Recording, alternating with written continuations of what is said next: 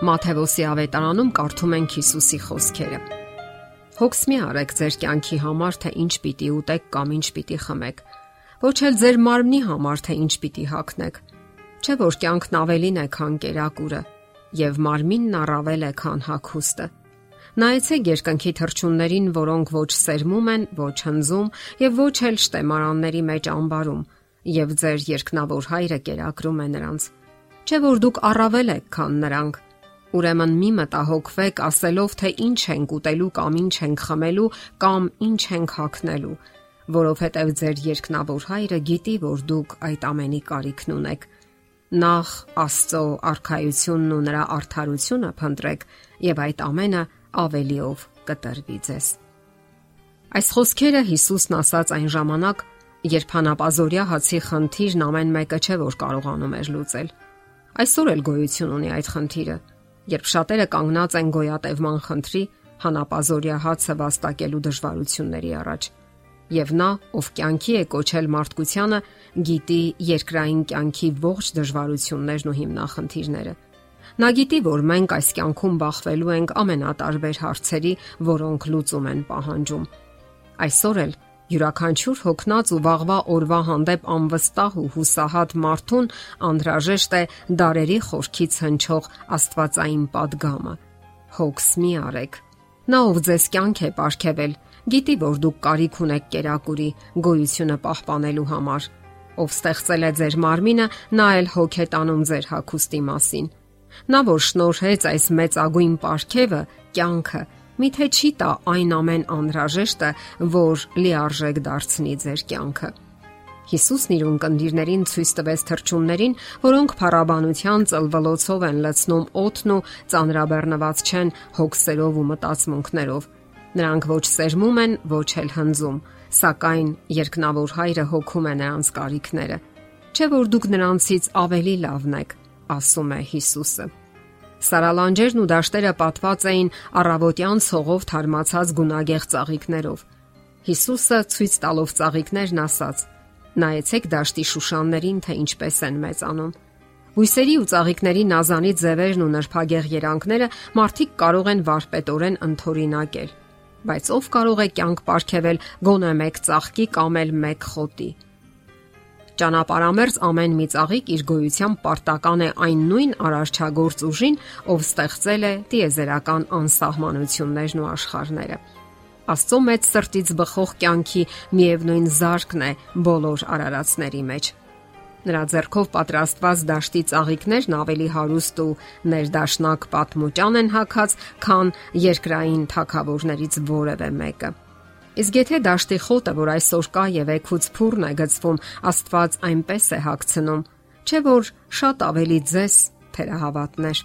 Նայելով իրեն հարված բազմության հույսով լի աչքերին, նա ով ստեղծել է ծաղիկներն ու չքնաղ դայլայլով օշտել թրջուններին, ասաց.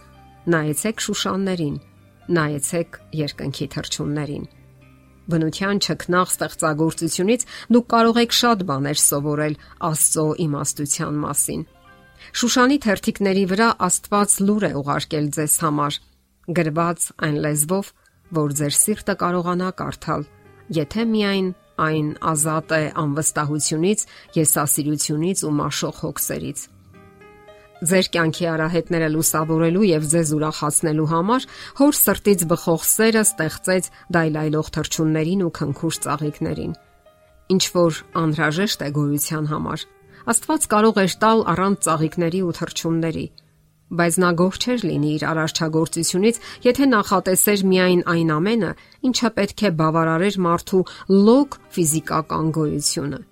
Նա լցրել է երկիրը, օդն ու երկինքը, որոնք պատմում են ձեր հանդեպ ունեցած նրա սիրասուն հոգատարության մասին։ Քրիստոսն ասաց. նայեցեք շուշաններին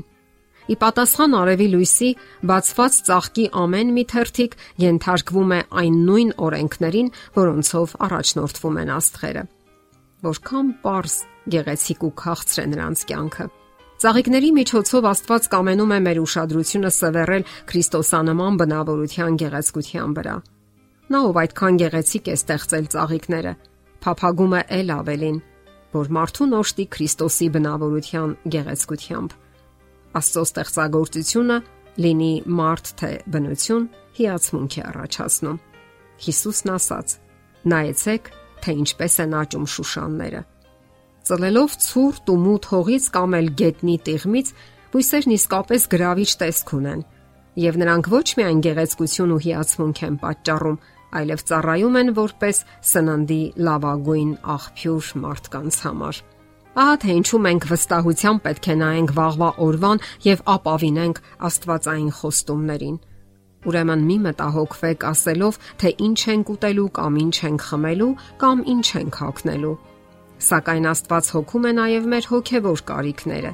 եւ նրա կյանքը կհայտնվի ամեն մի մարդու մեջ, ով կենթարկվի նրա շնորհի աշխատանքին, որն անձրևի ու արևի լույսի նման ազատ թափվում է իբրև օրհնություն բոլորի համար։ Աստծո օրենքը սիրո օրենքն է, որ տալիս է նա այն խնդրողներին։ Իսկ մենք երկրի մեջ ապրում ենք ոչ թե լոկ մեզ համար, փորելով ու շինելով, քրտնաջան աշխատելով եւ հոլի պես պատտվելով, այլ որ ծաղիկների նման կյանքը լուսավոր, երջանիկ ու գեղեցիկ դարձնենք, ուրիշներին էլ ուրախացնելով սիրո ծառայությամբ։ Այո, Աստված հոգում է, եւ նա ասում է՝ հոգս մի արեք, սակայն առաջ Աստծո արքայությունը խնդրեցեք։ Երբ մենք կյանքում իրականացնում ենք այս падգամը, մեր կյանքը այլ հունով է ընթանում։ Մենք ուրիշ աչքով ենք սկսում նայել կյանքին, որովհետև զգում ենք Աստծո միջամտությունը մեր բոլոր գործերում։ Մենք չենք նմանվում այն հեթանոս ազգերին, որոնք այնպես են ապրում, ասես Աստված գոյություն չունի։ Հիշենք, որ Հիսուսի արքայությունը հոգևոր բնույթ ունի եւ հաճախ հակասության մեջ է, մարմնավոր աշխարհի հետ։ Եվ վերջապես, եթե մենք նվիրվենք Աստծո ծառայությանը, ապա նա, ում պատկանում է ողջ իշխանությունը երկնքում եւ երկրի վրա, կապահովի մեր կարիքները, որովհետեւ Աստված հոգում է։ Եթերում է ղողանջ հավերժության հաղորդաշարը։ Ձեզ հետ է Գեղեցիկ Մարտիրոսյանը։ Հարցերի եւ առաջարկությունների համար զանգահարել 033 87 87 87 հեռախոսահամարով։